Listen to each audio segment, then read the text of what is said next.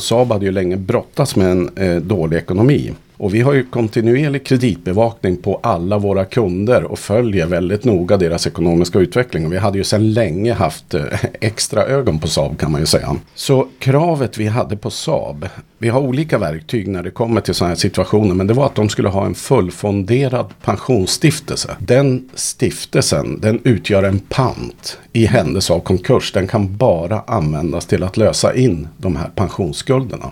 Men då hade vi lite otur därför att i november 2011 var det väl, så ändrade Alecta sin diskonteringsränta. Och i december gick Saab i konkurs. Ah. Och då saknas det 350 miljoner för att köpa försäkring för det här. För skulden Oj. steg från 1 miljard till 1 miljard 350 miljoner. Men Surt. vi löste in det hos Alecta och ingen pensionstagare så att säga blev skadelidande utan alla höll skadelösa. Trots många bilmodeller och en stark amerikansk ägare brottades Saab Automobil med sitt dåliga ekonomiska resultat. Den amerikanska ägaren GM stöttade och inledde en försäljningsprocess. Spiker Cars köpte, men inte heller de fick fart på bilförsäljningen. Bolaget försattes i konkurs. Vad händer egentligen med de anställdas pensioner när ett företag går i konkurs? För att ta reda på det så har vi bjudit in Rolf Byström från Pri Pensionsgaranti. Välkommen! Tack så mycket. Men vad gör du på Pri pensionsgaranti och bara namnet där? Du får berätta lite. Ja, det ska jag göra. Jag arbetar på en avdelning som heter affärsutveckling och kommunikation. Och det är precis det som jag håller på med också, affärsutveckling och kommunikation. Men vad gör Pri pensionsgaranti? Vad är det? Vi garanterar och administrerar pensioner i egen regi. Och det är liksom vår kärnverksamhet. Men över åren så har vi också utvecklat ett tjänsteutbud utifrån önskemål från våra kunder. Ett exempel är i början av 2000, vi räknar ju svensk skuld. Då var det ett antal kunder som ville att vi också skulle räkna internationell skuld till dem. Så 2003 lanserade vi en ny tjänst att räkna eh, IAS 19 som det heter. Som är en internationell standard. Och eh, sen ett tag tillbaka så räknar vi också US GAP som är den amerikanska motsvarigheten. Nu blev det mycket. Ja, vilka, vilka, vilka är era kunder om jag säger så? Om vi börjar där. Liksom. Vi kan är säga det... att det är alla stora svenska industriföretag. Ja. Hela börsens A-lista är kunder i PRI. Det här ordet garanti, så att ni, hur garanterar ni de kan säkra sina saker i er? Eller vad ja. ja, vi tar det från början. Då tar, då tar vi det från början och går tillbaka till 1960 när ATP kom. Då insåg arbetstagare, arbetsgivarparterna att eh, vi behöver styra upp det här med tjänstepension. Så då förhandlade man fram ITP, industrin och handelns tilläggspension, som ett komplement till ATP. Och då var det så att företagen de producerade allt vad tygen höll. För det här var ju under rekordåren som Sverige hade efter andra världskriget. Och var därmed också i behovet av långsiktigt kapital. Så företagen ville behålla pensionskapitalet i sina verksamheter. Och arbetstagarparterna tyckte att ja, men det är en bra idé därför att då kan företagen växa sig starka och starka företag är trygga företag. Men arbetstagarparterna sa också att om företagen behåller pensionskapitalet så ställer vi som krav att det ska vara lika tryggt som försäkring. Och det här var ju en rejäl utmaning för hur ska man kunna garantera någonting som bara är en skuld i företagets mm. balansräkning? Och lösningen blev en helt världsunik lösning. Parterna och kunderna startade ett sakförsäkringsbolag som garanterar de här pensionsskulderna som finns hos företagen. Och det är PRI. Mm. Så ni är ett försäkringsbolag helt enkelt? Vi är ett sakförsäkringsbolag. Men ni är bara alltså på, för ITP? Nej, vi försäkrar även andra planer. Eh, men den stora eh, planen som vi försäkrar det är ITP2.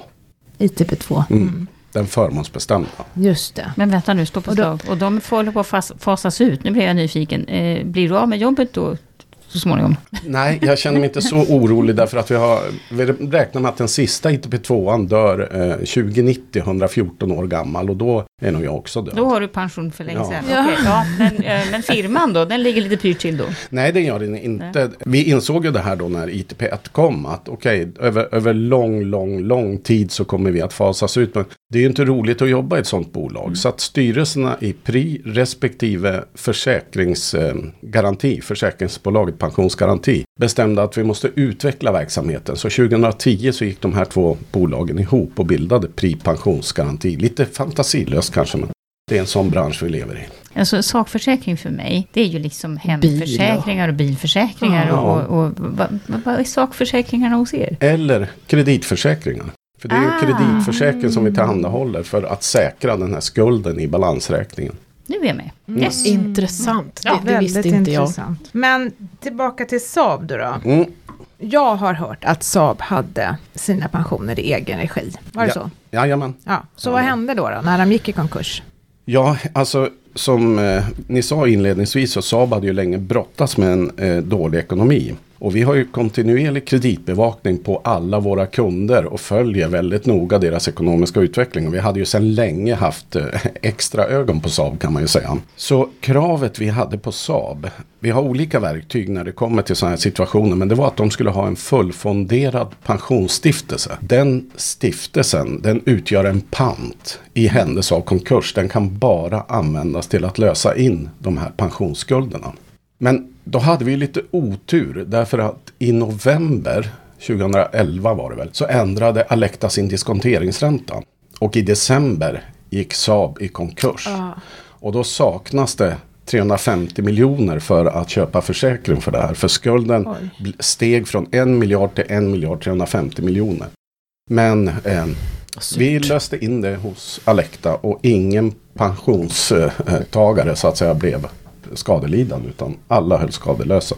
Så så var det med konkursen. Så var det med konkursen. Men det här med att ha försäkringar i egen regi, är det, är det en risk för mig som anställd att jobba på sånt företag? Nej, det är det inte. Du vanligtvis vet inte ens om hur företaget finansierar sina pensioner. Om de köper försäkring eller om de har eh, pension i egen regi.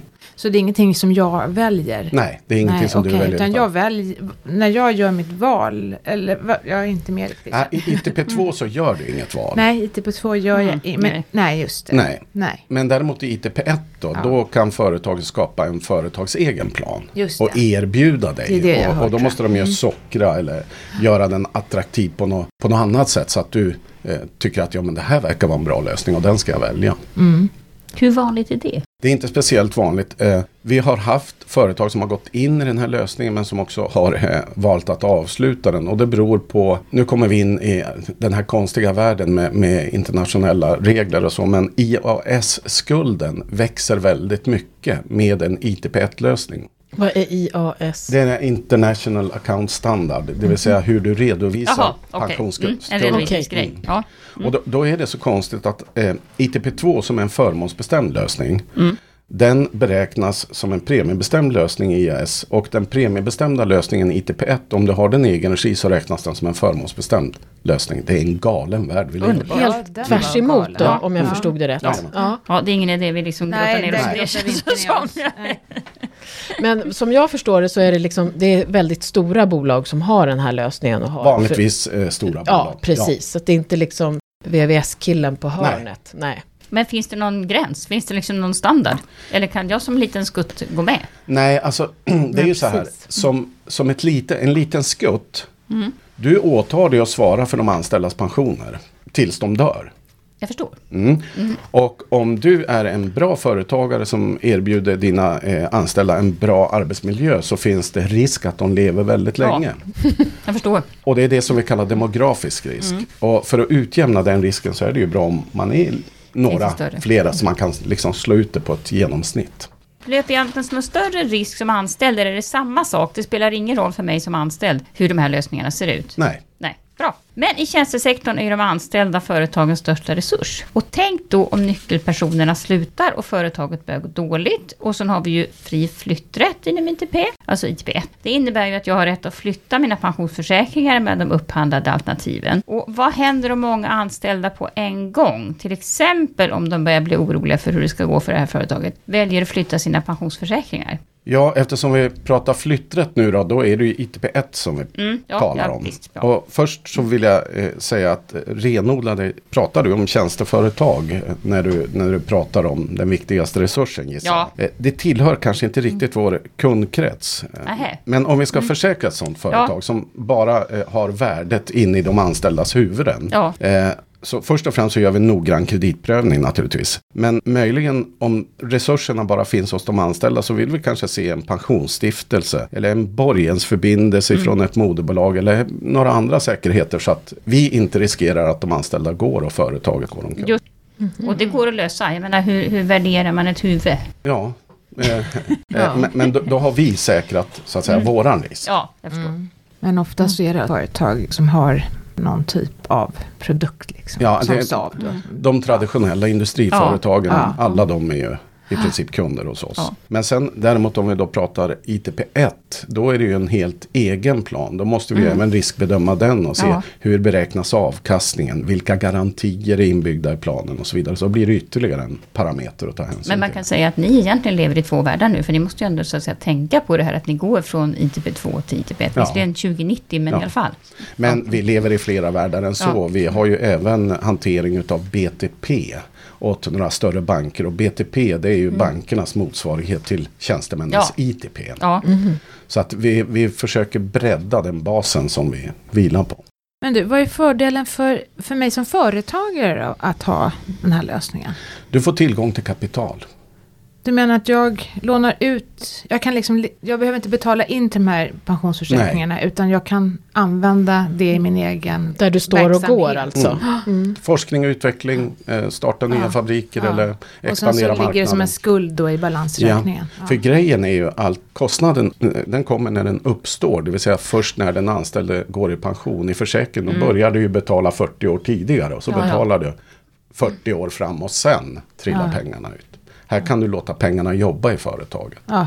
Och om det sen gäller ITP2, vilket eh, är den stora delen utav, utav eh, det som vi försäkrar, så då kan du ju förvalta pengarna på så sätt så att de avkastar högre ja. än vad pensionerna höjs. Ja. Och då gör det ju en vinst där på mellanskillnaden. Och det är väl så att pensionerna höjs då med någon slags prisindex va? Och, ja, de stiger kan... lite med, mm. med lön och ja. Eh, uppräkning. Och har du så dålig avkastning på eget kapital eller sysselsatt kapital i företaget, då är frågan om du överhuvudtaget ska hålla på med.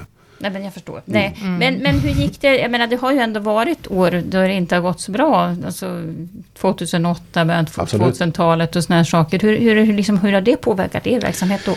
Jag kan säga den absolut tyngsta perioden det var ju på 90-talet när Nyckeln mm. gick i konkurs och Nordea höll på att gå omkull och eh, så vidare. Ja, då var det skoj. Ja, eh, ja det, det, var ju inte så roligt. Mm. Mellan 91 och 93 så tror jag i princip över 60 procent av våra kreditförluster ligger på just de tre åren. Och det påverkade oss på så sätt att vi insåg att vi måste nog eh, ha ett större eget kapital. Mm. För att klara de svåra tiderna. Och idag mm. klarar vi ungefär 30 Saab-konkurser då vi har 30 miljarder i eget kapital. Utöver det så har vi också återförsäkringar hos flera stora mm. europeiska försäkringsbolag om den totala katastrofen skulle inträffa.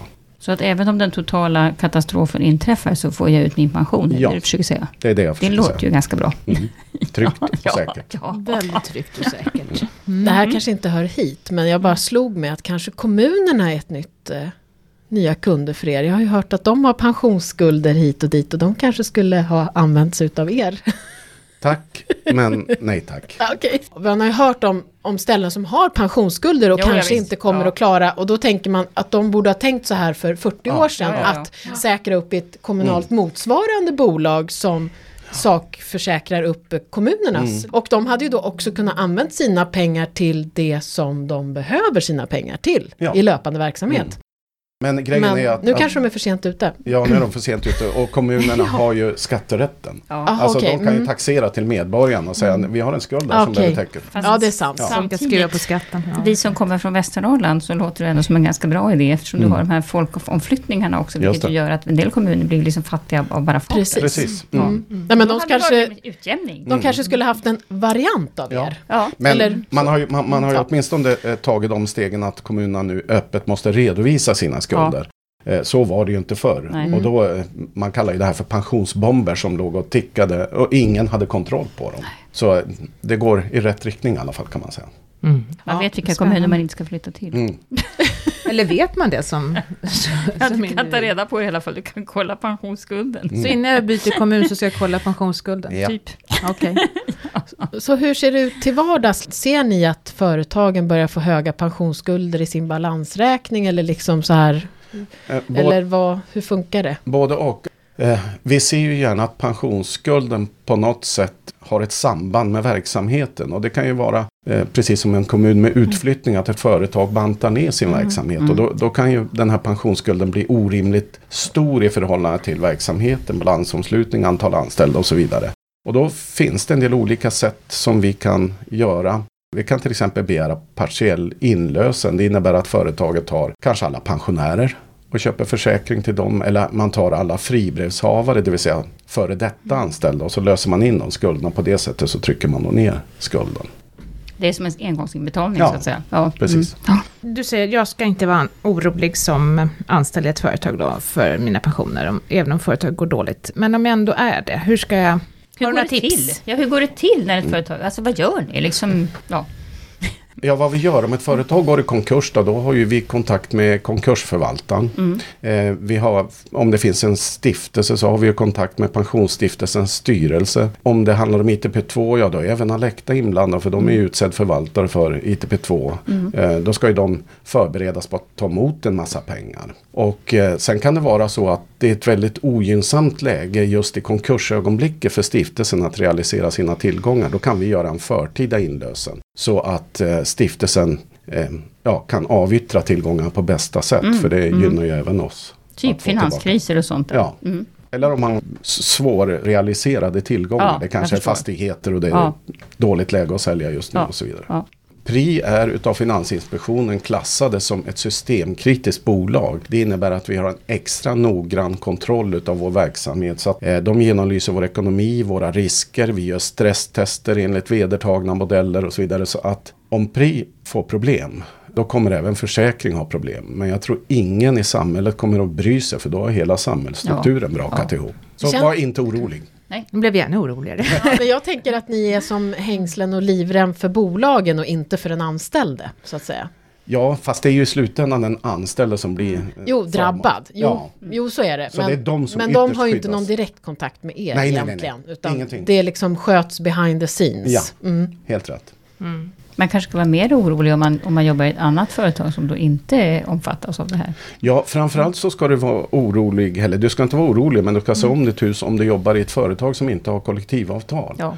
För då kan det finnas konstiga lösningar, eller det kan till och med vara så att eh, arbetsgivaren bara har lovat dig en pension. Och det är vad vi kallar otryggade löften och de är precis som namnet eh, antyder väldigt otrygga. Och där är ni aldrig med. Om ett företag inte har kollektivavtal så kan ni inte, då har ni liksom ingenting med det företaget Jo då, vi, vi kan ha med sådana företag att göra också. I, i, I synnerhet i vår stiftelseadministration, där finns det ett antal fåmansföretagare som vi har att göra med. Så att eh, vi har alla möjliga kunder i stocken. Men det är det gamla vanliga vi säger då, att kolla vilken tjänstepension du har och kolla Absolut. hur den funkar och kolla att den är tryggad på något vis vid konkurs då. Ja, Och om du inte har kollektivavtal, försök få se några inbetalningar eller någon koppling då till den pension som du är då lovad. exakt. Men man kan väl sammanfatta det så här att har, eh, har, eh, har du kollektivavtal då behöver du aldrig vara orolig för då ingår ju tjänstepension och alla trygghetslösningar automatiskt i det paketet. Men jag gillar just den här idén att man faktiskt kan använda sina pengar för Mm. egen förvaltning. Den är ju det som är det, det är ju det smartaste med det här faktiskt. Alltså när vi är på, på seminarier utomlands och berättar om det här. Det är många som eh, It sounds too good to be Mm. Ja, true. ja lite grann va? Ja. Ja. För det, de tycker det här låter alldeles för bra. För det, det är alltså en helt världsunik lösning.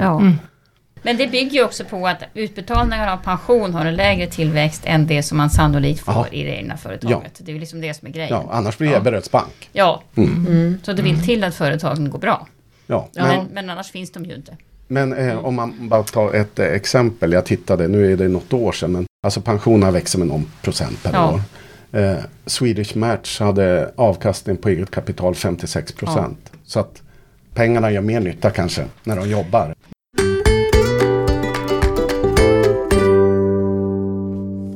Vi har fått en fråga från en person som är 64 år gammal. Hen vill jobba till 68 år och undrar hur man ska göra med pensionsuttaget. Tjänar man på att börja ta ut sin pension vid 65 eller är det bättre att vänta med att ta ut pensionen tills det år hen går, alltså vid 68? Om hen tar ut sin pension är planen att sätta in den på ett bankkonto och inte röra det förrän hen slutar att jobba helt. Kristina, det här är ju sådana här Ja, funderingar ja. man har. Det tangerar nästan vad Pri Pension håller på med.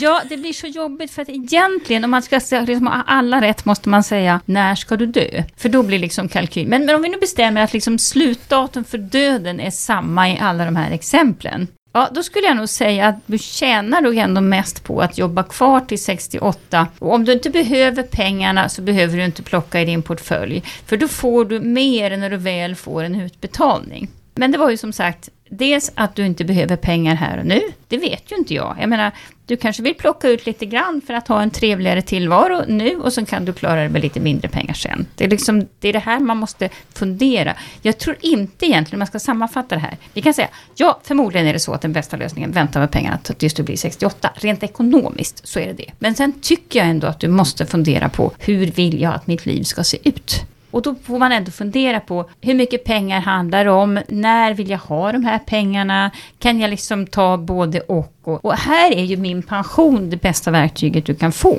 Så gå in och labba på min pension, se vad pengarna är värda. Fundera även på skatteeffekter, vilket är inte minst viktigt. Och glöm inte då att man får mer ut efter skatt om man börjar plocka ut pensionen från det år man fyller 66.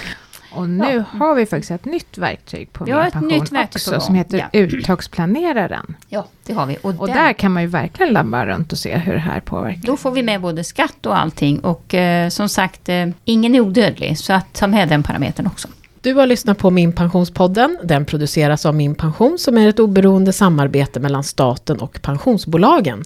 Du har hört Rolf Byström från Pri Pensionsgaranti, Kristina Kamp, Maria Eklund från Min Pension och jag själv Ulrika Loop. Varannan fredag kommer det nya avsnitt så håll utkik. Maila oss om du har tankar eller synpunkter på podd minpension.se. Hej då! Hej då! Hej då! Hej då.